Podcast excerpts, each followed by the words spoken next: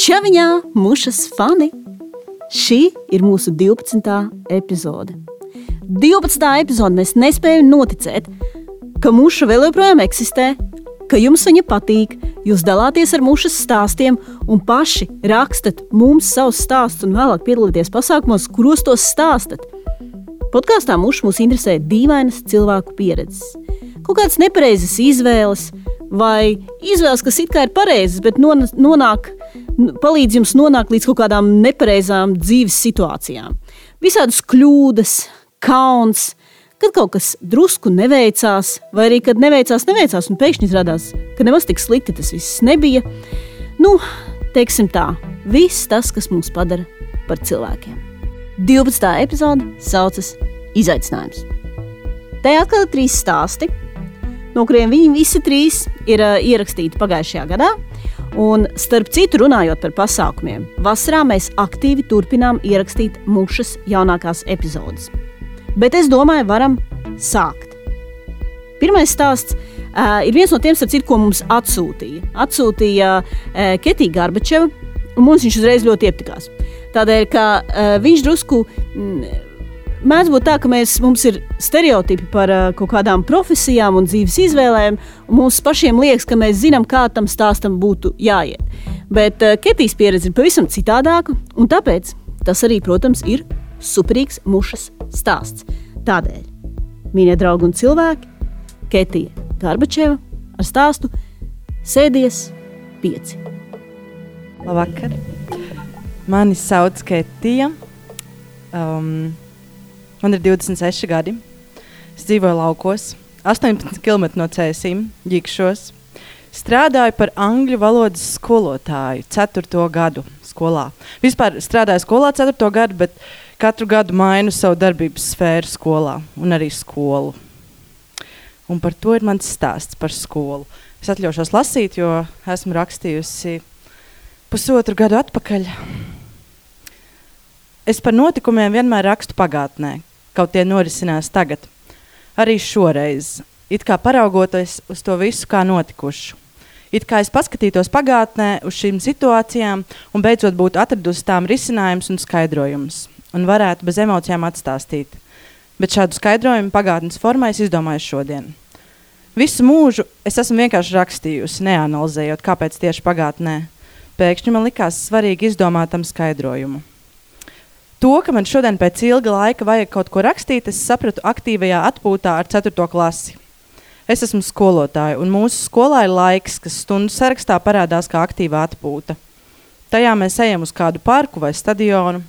Skolēni skrien, spēlējas, dažreiz sit viens otru ar kokiem, un mans uzdevums ir uzmanīt, lai viņi neaizbēg un nepazūd. Izšķirt, ja sakaujas. Ja grib runāties, tad parunāties. Reizēm kāds grib iedot roku, Reizēm es dodu, reizēm nē. Man diezko nepatīk fizisks kontakts, tāpēc, ja man nav garstāvokļa, es no tā īpaši izvairos. Ja man tāpat kā šodien nav garstāvokļa un spēka, es staigāju pa skolu bēdīgi un ceru, ka kāds no kolēģiem man pajautās, kā es jūtos. Un es varēšu izbērt visas savas emocijas, beigās apraudāties un klausīties mierinājumu vārdus. Tā vienreiz notika, un man patika. Sajūta, ka kāds nodzēš manu emociju ugunsgrēku. Bet šodien man neviens neko nejautā. Visi ir ierakušies savos darbos, un uz dienas otru pusi es esmu saņēmusies. Es gribētu teikt, ka man īsti vairs nav tādu draugu, ar ko izrunāt dvēseli tukšu, bet tā nebūtu pilnīga patiesība. Man ir pāris draudzenes. Mēs reizēm arī kārtīgi izrunājamies, bet tas tam ir ikdienišķs pasākums. Biežāk es tomēr jūtos it kā būtu viena pasaulē ar savām domām. Es esmu skolotāja. Es neko nemācu. Es aizvietoju tos, kuri 15 minūtes pirms darba man atsūta īziņa, ka bērns slibi, mašīnas aplīsus vai uz kursiem jābrauc, vai kāds uz zilās lapas. Tā es divus mēnešus mācīju matemātiku, kaut visu vidusskolu matemātikā bija nesekmīga. Mēs kopā ar 4. klasi iemācījāmies dalīt rakstos. Viņa pirmo reizi dzīvē, es otro. Rakstot šo tekstu, 4. klase skatās drausmīgi novecojušu un garlaicīgu filmu par dabas zinībām. Es šo filmu šodien jau redzu trešo reizi, jo man šodien pie trijām klasēm dabas zinības. Man ir grūti rakstīt, ja fonā kaut kas skan. Vēl es pērku resursus. Ja kādam skolā vajag skavotājus, metru garos lineālus vai smaidiņu uzlīmes, tad viņi man to garām skrienot pasaka. Vienreiz vai dažreiz piecreiz es nopērku. Sākumā likās grūti, bet nav. Es tā apzināti baigi nekad neesmu gribējis strādāt skolā. Tas notika netīšām. Kad filozofijas studijas bija izmocītas, es gribēju pavilkt garumā to dzīves daļu, kad, kas ir mācīšanās bez strādāšanas, un es iestājos tehnikumā. Gribētu teikt, ka tas bija diezgan bezjēdzīgs manas dzīves gads, taču tā nebūtu gluži nebūtu, nebūtu bijusi taisnība, jo es atklāju ar vien jaunas lietas, kas man nepatīk, un iepazinos ar jauniem cilvēkiem, kuri arī man nepatika. Ja tu nespēji saprast, ko tu savā dzīvē gribi, apzināties, ko tu negribi, arī ir vērtīgs solis. Ja es ļoti gribu atrast savas pedagoģiskās saknes, iespējams, varētu tās sasaistīt ar laiku tehnikumā Man nebija ne mazākās nojausmas, kā pareizi būtu jānorit pedagoģiskiem procesam, taču sajūta līmenī sapratu, ka pareizi tas šeit nenotiek. Taču šī ir tikai versija par to, kāpēc īsti es atrodos skolā. Jāatzīst, ka man ir arī iekšējais konflikts par savu esamību skolā. Lai gan es neesmu skolotāja, es tomēr esmu. Tā mani uzrunā. Tas uzliek nepārprotami, pieklājīgi, pareizi dzīvojošu cilvēku rāmi. Nu, pamēģiniet kādreiz netīšām pateikt kādu krievu, krievu lamu vārdu skolā. Pamēģini kolēģiem atzīt, ka pirmdienas rītā es skolā ieradies ar nelielām vai lielām paģirām, vai ka patiesībā ikdienā smēķē. Jūs taču visi zināt, ko visi skolotāji māca un stāsta bērniem. Alkohols, narkotikas un cigaretes ir sliktas. Tās lietot nedrīkst. Augļu dārziņu, veselīgs dzīvesveids, sports vismaz trīs reizes nedēļā, atrod savu hobiju, kas veicina pašizaugsmi.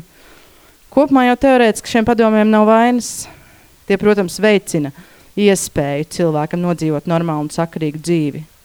Taču tas nav neapgāžams algoritms, ka, ja sportos un nepīpēs, tava dzīve būs pilnība. Problēma jau ir tajā, ka es pēc šiem noteikumiem nedzīvoju un negribu to darīt. Man ir 24 gadi. Es negribu būt pareiza, un man drausmīgi nomāca šī pareizās dzīves influencēšana. Tas varbūt nozīmē to, ka pedagoģija vienkārši nav mana vieta. Vai arī es neesmu uzbūvējis savu jauno personības daļu, kas spēj pilnīgi dabīgi influencēt lietas, kas ir pretrunā ar manu viedokli. Kā es varu 8. klasē stāstīt par alkohola kaitīgumu, ja es katru vakaru dzeru vīnu, apmēram vienu pudeli, un tas pagaidām man dzīves kvalitāti nemaina un nebojā. Arī ja šķiet, ka tas ir alkoholisms. Un vispār, kad es mācījos 8. klasē, es pirmoreiz piedzēros no diltrīga alus un pievēmu pieturu. Vai es to nožēloju, un, ja varētu atgriezties pagātnē, es to nedarītu? Nē, es to darītu, un es to nenožēloju. Es to nedarītu tagad, jo es, jo es to izdarīju tad, kad man bija 14. Jo man šķiet, ka tādas lietas piedien darīt, tad, kad tev ir 14. Kā es varu stāstīt par sporta nepieciešamību, ja man ir riebjš sports un man nav plānā pat pamēģināt to iemīlēt? Kā es varu aizrādīt čaļiem, kas skraida pa skolas garo gaiteni, ja es to pat nepamanu un man netraucē? Es bieži vien jūtos kā cilvēks, kas ir pa vidu starp skolēniem un skolotājiem. Skolēni tomēr šajā skolā man ir drusku pa jaunu, lai saprastos tādā līmenī, kādā varbūt es gribētu. Taču skolotāji jau ir pieaugušie. Viņi runā par līgumiem, par politiku, elektrības rēķiniem, par visādām garlaicīgām pieaugušo tēmām, kurās es reizēm pieklājības pēc iesaistos. Es nevaru teikt, ka man nepatīk mans darbs. Man par to maksā algu. Es par algu lai benzīnu, lai tiktu uz darbu, taisu mašīnu, lai tiktu uz darbu, un vīnu, gan tetrapakās, gan pudelēs.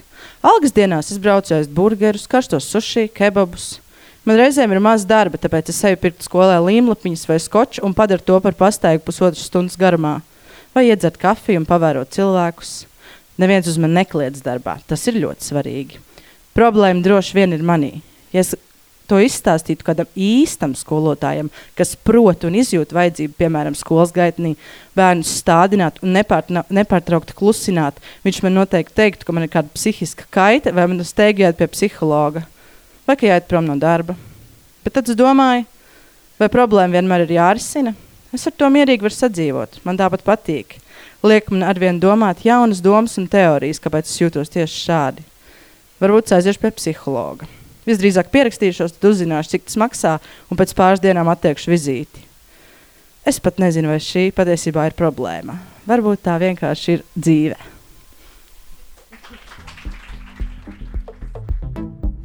Inga Gēla, kuras stāstu jūs dzirdēsiet nākamo, ir ļoti daudz šķautņaina personība. Es viņu iepazinu kā dzinieci, un rakstnieci. Viņa ir viens no cilvēkiem, kas man iedrošināja, un ļoti daudzas citas sievietes iedrošināja runāt, būt atklātām par savām pieredzēm kā sievietēm. Un arī ir viens no cilvēkiem, kas ir izveidojis sieviešu stand-up, kurš vismaz manu dzīvi personīgi ir pat tiešām izmainījis. Un, um, Es viņu vairākas reizes aicināju uz mušu. Viņa ieradās uh, uz mušas um, ierakstu pagājušā gada oktobrī. Bija tāds drūms, un uh, tāds nomācošs vakars. Un viņi ieradās ar stabuli. Jā, klasiski gāli. Atnāk stāstīt stāstu, un vēl ir arī ar stabuli un drusciņu. Saka, es drusciņu padziedāšu. Tādēļ ir laiks viņas stāstam gandrīz kā Jēzus.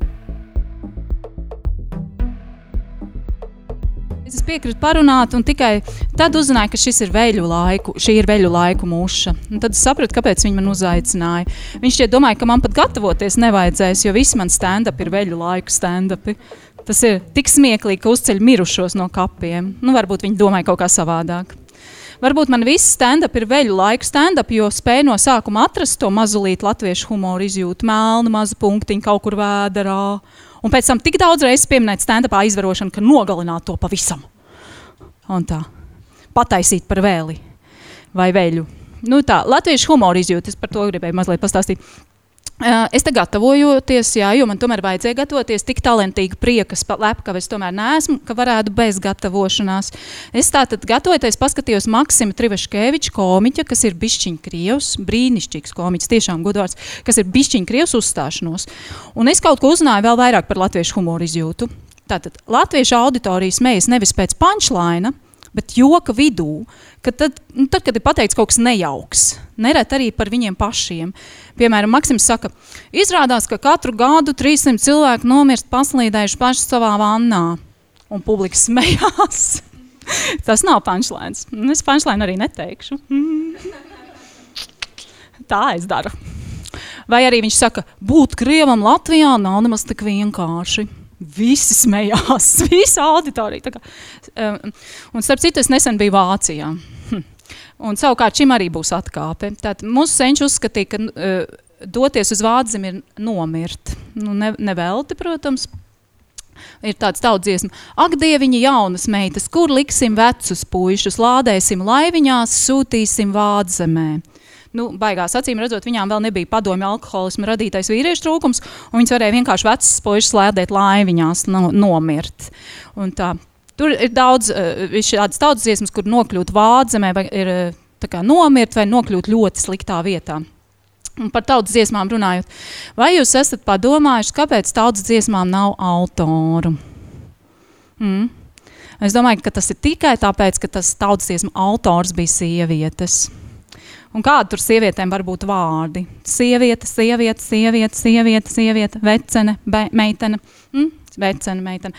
Un, ja viņa, un ja viņa nomainās, tā sieviete, gal galā, tad kāda nozīme vārdam? Sieviete ir un paliek sieviete. Pat ja viņi tur kaut ko uzraksta vai sacer, sieviete paliek sieviete, bāba paliek bāba. Un tautas dziesmas ir tautas dziesmas, un gal galā kāda nozīme, kas tās ir sacerējis, ja pierakstīs ir Krišāns Barons. Ja? Okay, būs jums te vēl viena tautsies. Pisās roņi jūrmalā, Baltajās smiltiņās, Rīgā pauti atskanēja, Vādzemē pipelīte. Tas varbūt par impotenci, bet uh, es tikko biju tajā Vādzemē, neko tādu neredzēju. Vācieši man bija uzaicinājuši kā rakstniece līdz ar citām rakstniecēm vārdā Inga kas tad Latvijas literatūrā ir ļoti daudz ingu. Es jums tūlīt par šo pastāstīšu. Un eh, tas vārds inga eh, arī ir vārds, kas cēlīs no zviedru valodas vārda nekas, ingen. Nu, sēž vikings un domā, kā izdarīt tā, lai viņas 15 sievietes savā starpā neplēstos. Ok, nosaukšu viņas visas vienā vārdā. Un, lai viņas nesaceltos pret mani un man neapēstu kādā no bargajām ziemām, nosaukšu viņas vienkārši ingen. Nekas. Nekas, nekas, nāc, nekas. Nu, Latvijas literatūrā ļoti daudz nekas. Inga Abela, Inga Žoluda, Inga Pizāna, Inga Grensberga, Inga Ingmāra Baloda, Inga Jaruma. Un tad, nu, nu labi, vērts sakot, tas, nu, un arī esmu, es esmu tajā vikingu budistu vārdā nosaukta. Nekas gaile. Vārdu sakot, mēs ar Ingu Žoludu un Ingmāru Balodu bijām Vācijā, kur kopā ar vienu lietuvieti, vīrieti, un Katlīna Kaldmā, kas ir Igauniets, spriedām, kā mums iet ar identitāti Baltijas. Vācieši par to maksāja, lai mēs nospriestu, kāda mums ir identitāte. Visi, viņi maksāja gan honorārus, gan palikšanu, gan lidmašīnas biļetes, viss. Vis. Nu, un slikti mums iet ar to identitāti, vācieši slikti, jo mēs joprojām tā vietā, lai prasītu jums restitūcijas un kompensācijas par to, ka mūsu senči sastrādāja jums kapitāla pamatus, visiem spēkiem cenšamies jums izpatikt un cerot, ka mūsu grāmatas izdos kādos simts eksemplāros kādā no jūsu pasaules mazākajām izdevniecībām, nu, toties vācu valodā. Lūk, ne, es nevienu vārdu nepieminēju par kompensācijām, ko man vajadzētu kā verdzenei bijušajai. Viss, viss bija ļoti pieklājīgi un centos izpatikt. Un, uh, pirms lasījuma pat uzvilku kleitu. Lūk. Un pirms man lasījuma tulkotāja pateica, ka es darbojoties sieviešu stand-upā. Visa publika sapriecājās, nu būs tik velti, neatbra... nevelti atbraucām uz šito Švālenbergu, kas ir starp citu tāds maziņš miests, uh, kurā viņš slavens ar to, ka tam līdzās, nevis pašā miestā, bet līdzās tai pilsētā dzīvoja Himlers. Slepkavnieks un cilvēks, kurš izdomāja, ka forši būtu, ja koncentrācijas nometnēs būtu bordeļi. nu, tā tad, un šitā Švālenberga ir slavena tieši ar šo, ka Himlers tur kādu laiku blakus dzīvojas. Nu, un, tā tulkotāja, kad, kad viņa teica, ka es darbojos stand-upā, tā publika, protams, nenojauta, ka es zinu šo par Himleru un koncentrācijas nometnēm arī. Domāju, būs joki. nu, tad bija pirmā stāsta cilvēks vārdā upe laikā, vēl tomēr atrada, kur pasmieties mazliet. Um, es jums nolasīšu to fragmentiņu, um, maziņš fragmentiņš no tā stāsta. Un tur Ai, nu labi, izlasīsiet. Vārds sakot, nolasīšu. Ziliem uguņiem gaudojot, man sāpēs vaidot un mēģinot atcerēties, ko mācīja vienīgajā reizē, kad es biju uz pirms, pirmsdzemdību kursiem, mēs kā pūķis nesāmies uz dzemdību namu. Starp kontrakcijām es atvainojos sudraba zobotajam suteneram, ka droši vien nosmērēšu viņam sēdekli. Viņš paskatījās uz mani kā uz vaiprātīgu un nošņāca. Tīha dura, es ibies šās domāju. Klusu muļķi par sevi šobrīd domā. Šeit bija pirmie smiekli. Es saņemos viņam pavaicāt, vai es drīkst no viņa telefona piezvanīt vīram. Ir mūžs jest, un ir arī vīrs, viņš zviedza. Kāpēc gan lai man nebūtu mūžs, es nesaprotu. Un šeit publika smējās otro reizi. Tālāk tas beidzās. Šitie, nu jā, šeit smējās visvairāk. Un tad, un, ā, nē, vēl smējās vienā vietā, kad suteneram uz pirkstu kauliņiem bija uztetovēts ļubofi, mīlestība. Bet nu, pēc, pēc šitā uh, fragmenta, kas bija, pēc, pat, uh, pēc šīs tās pat aplaudēja uh, cilvēki, bet tad sekoja fragments no romāna Skaistās un Zejols pilsētas atzimšana. Nu, tādu klusumu, kas iestājas pēc tam, tiešām tas viņiem patiktu. Tā kā e, īsumā skaistās ir par koncentrācijas nometņu, bordeļiem un izvarošanām, un pilsētas atzimšana ir par to, kā visiem mums jālūdz piedošana nogalinātiem ebrejiem. Tā, lūk, tāda man jociņa, un man viena no skatītājiem tikai nākamajā dienā pateica, that was intense. Pārējie neko, tikai ingen, ingen, tā staigāja man apkārtā. Nu jā, bet lietuvietis, vīrietis, kurus neminēšu vārdā, lai atrieptos par vārdā neminētajām tautas dziesmu autoriem, lietuvietis pēc brokastiem saka, es vakar paskatījos tavu stand-up YouTube, esmu iespaidots. To viņš, protams, teica angliski, I am impressed. Bet kopā ar mums pie brokastu galda sēdošā lietuvieta, lietuvieša kolēģe, gandrīz aizrijās ar milzīgu krosanu gabalu no pārsteigumu. Stand up in Latviju! Tas ir viņi, protams, vienkārši aizrādīja savam kolēģim, ka viņš pārāk klāji man izpatīk. Tipā, kamon, vai tu neredz, ka viņi ir lesbieti, tev tur nekas nespīd, ko tu izliecies, ka esi impressed no stand-up latviešu valodā. Bet sanāca ļoti metaforiski, jo stand-up in Latvijā ir labs melnā vienrindnieku humora paraugs. Jo tas bija tiešām smieklīgi. Viņa teica, stand up in Latviju. Es pilnīgi saprotu. Es pilnīgi iedomājos, ka iznāk tas Maksims Trivaškevičs, kurš ir izcilākais vienrindnieku pārstāvs Latvijā, un tad pēc jociņa, kas ir, tūlīt būs Trivaškevičs jociņš. Man draudzene man jautāja, kas ir mana mīļākā aktrise. Nācās atzīt, ka mana mīļākā nav aktrise. Un pēc šitā jociņa viņš vienkārši saka, stand-ups latviešu valodā. Nu, jā. Visi latvieši smējas uzreiz, nesagaidot punchline, protams. Nu, kurš gan tagad būs bišķiņ vēl par mani?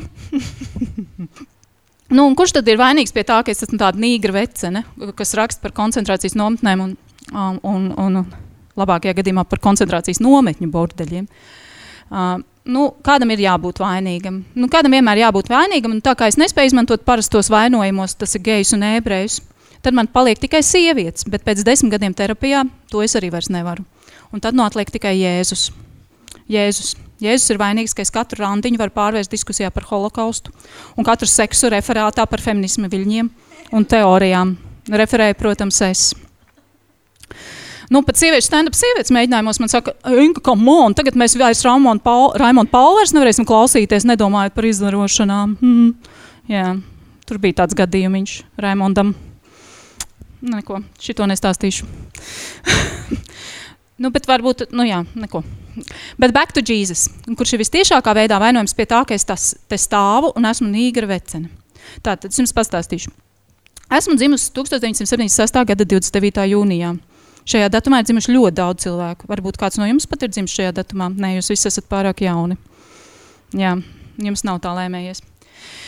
Uh, gribu pastāstīt jums par trim cilvēkiem, kas dzimuši šajā datumā. Tātad es, ja, un vēl komiķis no Jaunzēlandes, Brets Makenzijs.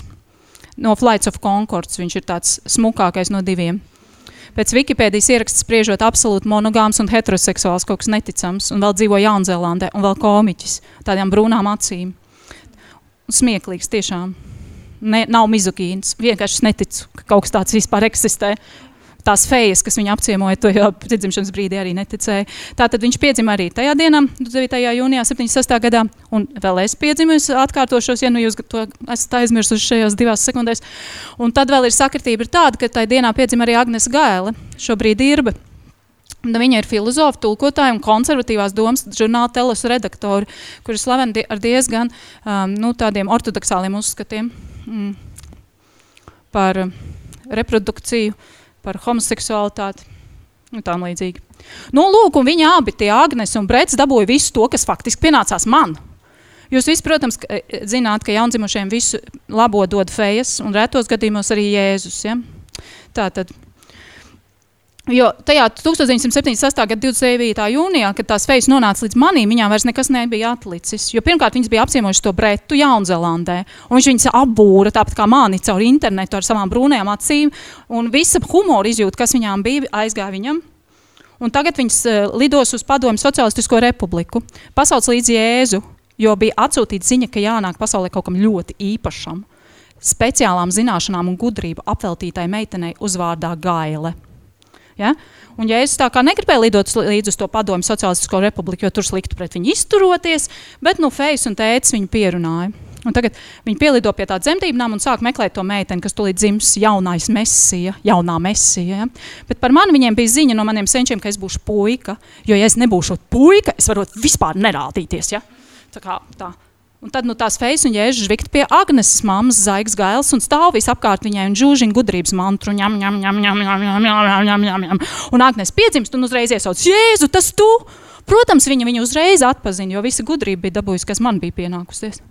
Jēzus nogurs viņam visas tās lidošanas, būsim godīgi, nevarēja arī izturēt dzemdību skatus padomju dzemdību namā.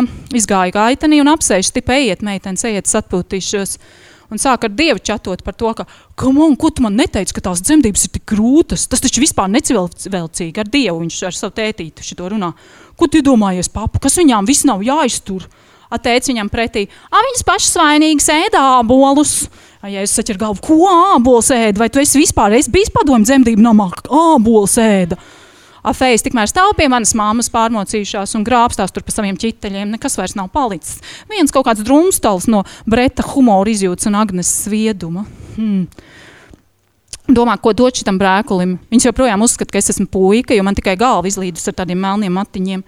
Nu, viņas domā, varbūt jāapsauc kāda vietējā dievība. Sauc to dēklu kārtu, laima tās visas iespundētas centrāla komitejas sekretāra Vosas privāta mājas pagrabā. Laima viņam dzied, kārta dejo, dēkla masē pēdas. Vārds sakot, nav neviena, ko dot. Viņš tur skumji skatās uz tām humoru izjūtas un gudrības drupečām. Te jēzus atver durvis, saka, klau meitenes, davai lidojam prom, man te viss zaļa bala. Nu, to es arī dabūju. Humora zipsnes, gudrības zipsnes un viss zaļa bala. Tā kā blame Jesus. Vienmēr vajag kādu, ko vainot. Es, piemēram, vainoju vīriešus, bet tā kā uģis kuģis man ir aizliedzis to darīt savā melnajā grāmatā, tad es to daru dziedot, jo tas savukārt palīdzēs man attīrīt man kakla čakru. Es padziedāšu pišķiņu. Liepas satumst, lapās apklust vēji Mūsu stāsts ir garš un bezgalīgs. Pirmā randiņā es noģību, jo pirms tā trīs dienas nedu. Pirmā randiņā es noģību. jo pirms tā trīs dienas nedū. Mani tavu, tu uzreiz tad iemīlēji, apkārt šalca brīvības ielas vēji, biju bez samāņā labi tā. Jo tev nebija nekas man jājautā, biju bez samāņā labi tā jo tev nebija nekas man jājautā. Bērni ir vislielākā no laimēm. Sev īpaši, kad saldām iegādus, tad es varu mierīgi un maigi apēst ēdienu pārpalikumus. Tad es varu mierīgi un maigi apēst ēdienu pārpalikumus. Liepas satumst, lapās apklust vēji, uztur līdzekļus, tu maksāt nepaspēji, jo tai brīdī, kad to iedomāji, garām fēniksam tu tieši gāji, jo tai brīdī, kad to iedomāji, garām fēniksam tu tieši gāji. Beigas labs, viss labi, ok, paldies!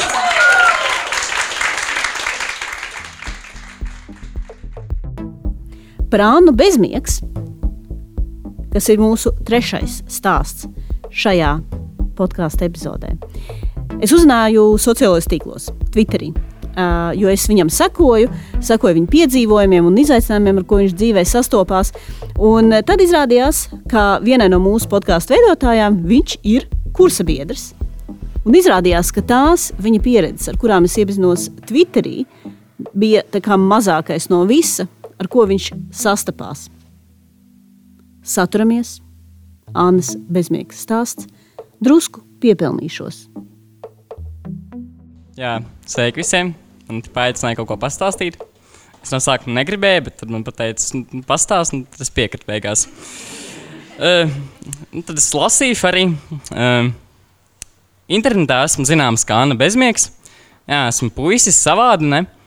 Esmu cilvēks, kuram patīk klausīt stereotipus, patīk izaicināt.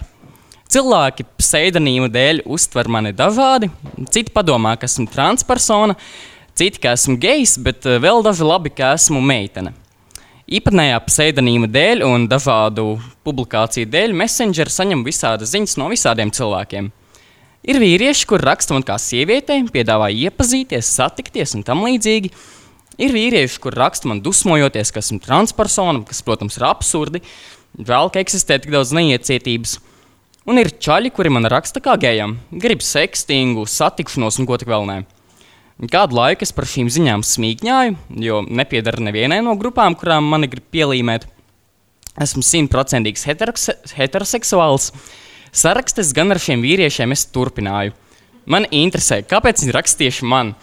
Kāpēc viņi ir tik izmisuši, ka pat nepaspēja apskatīt profilu, noskaidrot, kas es esmu? Bieži vien viņi par mani iedomājušies visādas muļķības, piemēram, to, ka esmu apmaksāts Sorosa trollis. Es e, parasti sarunās iesaistos, ja man kaut ko jautā, piemēram, nu, seksīgu Annu šovakar pie manis, atbild, piemēram, nu, ko pie tevis. Un tad viņi stāsta savas seksuālās fantāzijas, stāsta, kā gata arī darba diena aizdīta, kā naudas nav, kā gribētos ar mani mīlēties. Krievis kaut kādus joks sūta, kaut kādus TikTok video. E, publicēja ekrāna šāviņus Twitter no absurdajām sarakstiem. Tomēr vienu dienu kāds uzbāzīgs tips, tips ļoti interesējās, izteica vēlmi par seksu ar mani. Tajā brīdī bija uzsācis mācības Rīgas Stradiņu universitātē, studēju žurnālistiku, nebija ticis budžetā, jāmaksā 200 eiro mēnesī par mācībām, strādāju naktīs līdz rīta gaismā ēstuvē. Mana mentālā veselība jūtama pasliktinājās, man jau ir bijušas problēmas pirms tam, ir depresijas epizodes bijušas. Ir jāmaksā īri par istabu dzīvoklī, jāpabaro pašam sevi, kaķis jāpabaro. Un tad bija klikšķis un viegla nauda. Un tepat acu priekšā. Un tikai jāpaprasa. E, nav jāpavada entās stundas katru dienu kaut kādā ēstuvē, ja var nopelnīt vairāk īsākā laikā. Intuitīvi noteicu cenu. Stundā maksā 50 eiro un darām abi, ko vien vēlēs. Par šo lēmumu es arī paziņoju savos sociālajos mēdījos, Sociālajā mēdī ir mana dienas grāmata. Vienīgā atšķirība no īstas dienas grāmatas manējā ir publiski pieejama. Vairumam manu sekotāju tas radīja šoku. Tik jauns čalis nodarbosies ar prostitūciju. Kā tā? Arī cilvēki, ar kuriem dzīvoja kopā, nebija pārāk priecīgi. Tagad par viņiem neko daudz neklāstīju, viņiem tas nepatiktu.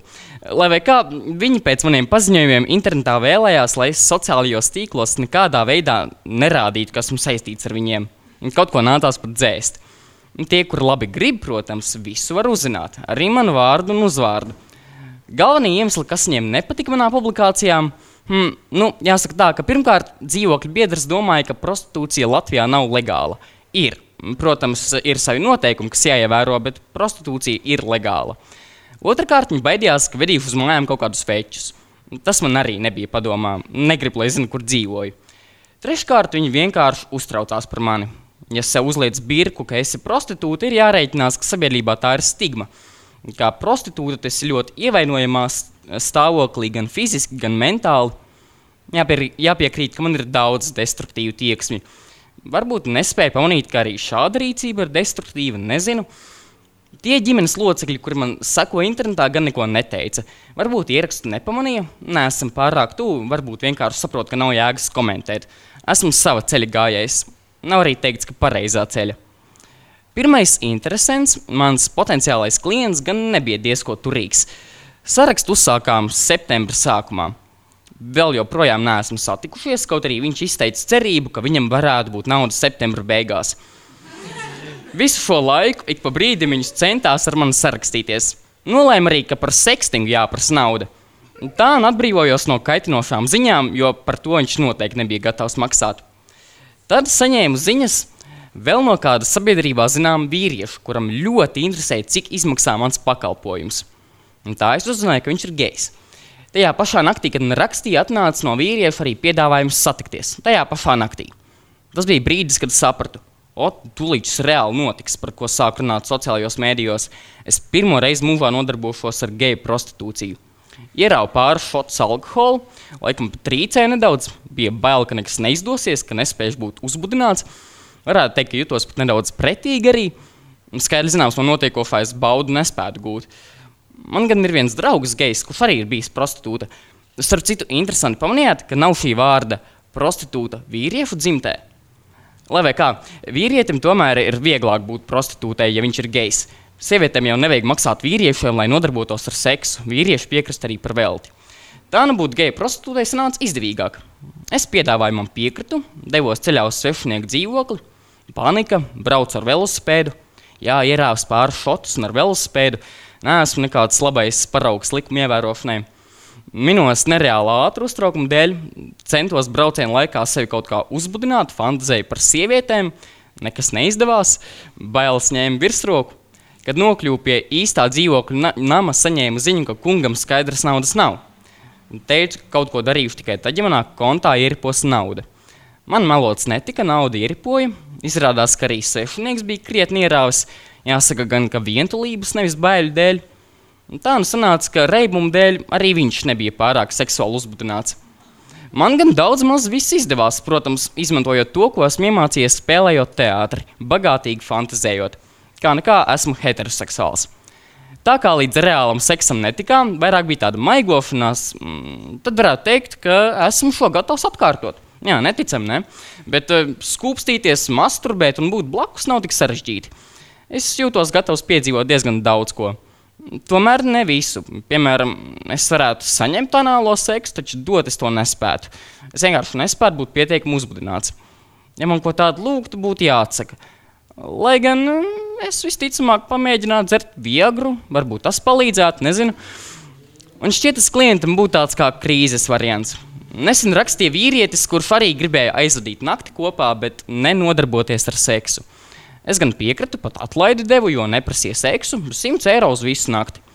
Ir skaidrs, ka seks nebūs pārāk patīkams, ja ir labi redzams, cik ļoti es neesmu uzbudināts. Man gan nav plašas pieredzes šajā visā, ir bijusi tikai viena tikšanās, klients vairs nav rakstījis. Es biju krīzes variants, ārlis, vientulības aizgaiņātājs. Kāpēc vīrieši interesējās par geju prostitūtām? Varētu jau teikt, ka ir taču Grindr, Tinder un citi brīnumi, bet ne visiem tas ir variants. Vecāku gadagājumu vīrieši varbūt neprot tādas lietotnes izmantot. Facebook, protams, tur arī raksta potenciālajiem partneriem, vai arī raksta tādi džeki, kur nav pārāk izskatīgi, alkoholiķi, ir mentālās un kādas citas problēmas. Viņi ķer to, kas ir. Viņi nemeklē ilgstošas attiecības. Iepazīšanās lietotnēs jau, manuprāt, vairāk cenšas kaut ko ilgtermiņam sameklēt. Viņi ir vientuļi, apjukuši. Mans pirmais klients dārumā stāstīja, cik ļoti viņam nepatīk būt gejam. Negribas to atklāt kādam. Mans interneta tēls laikam rada iespēju, ka esmu viegli pieejams, tādēļ daudz uzdrošinās rakstīt man. Šobrīd gan man šāds peļņas avots vairs nav nepieciešams. Ja nāks kāds piedāvājums, es padomāšu, varbūt piekritīšu, bet aktīvis klients nemeklēju. Nestudēju vairs, nav vairs tik daudz naudas nepieciešams. Es nepaspēju pastudēt pat mēnesi, kad jau sapratu, ka nepavilkšu visu kopā, ka piedāvājumu nebūs tik daudz, ka nespēšu apvienot pilnu laika darbu ar mācībām. Kredītus neesmu gatavs ņemt. Man nepatīk doma, ka nākotnē sev es uzlieku kaut kādas parādu saites. Geju prostitūcijā es gan nesaskatu neko sliktu. Galvenais, ko izdarīt, ir padomāt par drošību. Prezervatīvs, ja nav prezervatīvs, prasu nesen veiktu HIV testu. Un vēl, labi, ja tu vai kāds cits zina to personu, pie kuras dosies. Es zināju, jo tā bija arī sabiedrībā zināma persona. Tiekaties drošā vietā, kur var ātri sazināties ar citiem cilvēkiem, ja ir krīzes situācija. Mežā un automašīnā nebūs labākā vieta droši vien. Jā, drošība pirmajā vietā. Paldies!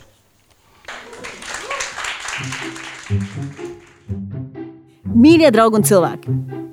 Paldies, ka jūs esat kopā ar podkāstu mušu. Mēs ļoti ceram, ka jums patika šī epizode. Ja tā bija, lūdzu, šērojiet informāciju par podkāstu mušu visos savos sociālajos tīklos. Nešaubos, ka daudz no jums klausās un domā, ha, bet man īstenībā būtu daudz krūtāks stāsts. Ja tā ir, ja tiešām tā ir, ka jums ir kaut kāds krūtis stāsts aiz ādas, mēs viņu gaidām uz podkāstu mušai gmail.com. Ja jums liekas, ka viņš ir par gāru, vai jūs īsti nevarat saprast, vai tas ir īstāsts vai nē, vai tur vispār ir kaut kas interesants, vienkārši atsūtiet viņu mums. Un mēs tiksim galā, un mēs sapratīsim, vai tur ir stāsts, vai tur nav stāsts. Varbūt īstenībā sarunu gaitā mums kļūs skaidrs, ka jums īstenībā ir pavisam cits stāsts, ko jūs gribat izstāstīt. Un vēl nāciet uz podkāstu mūža pasākumiem. Viena lieta ir to klausīties uh, uz austiņām, bet pavisam cita un daudz brīnumaināka pieredze patiesībā ir piedzīvot to klātienē. Un pēdējā reizē mums bija vairāk kā 60 cilvēki atnākuši. Mēs tur bijām saspiesti mazākā telpā, un bija drusku par karstu un drusku par daudz cilvēku, un tur bija arī suns. Un tā vai tā, tā bija brīnišķīga, burvīga pieredze, kurā cilvēki dalījās ar īstām, patiesām lietām, ko ir piedzīvojuši, un bija atklāti un trausli.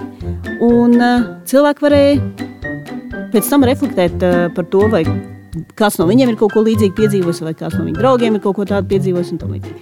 Jā, bet nu, es te vervelēju, un vervelēju nevar apstāties. Īsāk, nē, tas, ko es gribēju teikt, ir sūtiet savus stāstus, laikojiet, šērojiet mūsu sociālajos tīklos, pastāstiet par mums savai vecmāmiņai galu galā. Viņa arī to ir pelnījusi. Un paldies, ka bijāt kopā ar podkāstu Muša. Es esmu Džēma Sudraba un veidoju šo podkāstu ne jau nu vienu, bet kopā ar Mārtu Hercu, Agatu Mežuli, Montu Kaivu un Keriju Broku. Paldies, ka bijāt ar mums kopā! Čaviņā! Atā!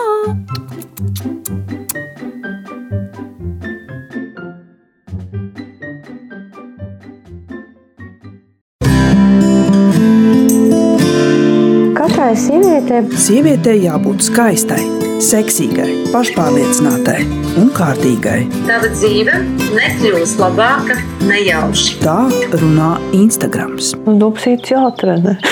Dubsīts jāatrenē. Dodu sev trīs mēnešus, lai to sasniegtu.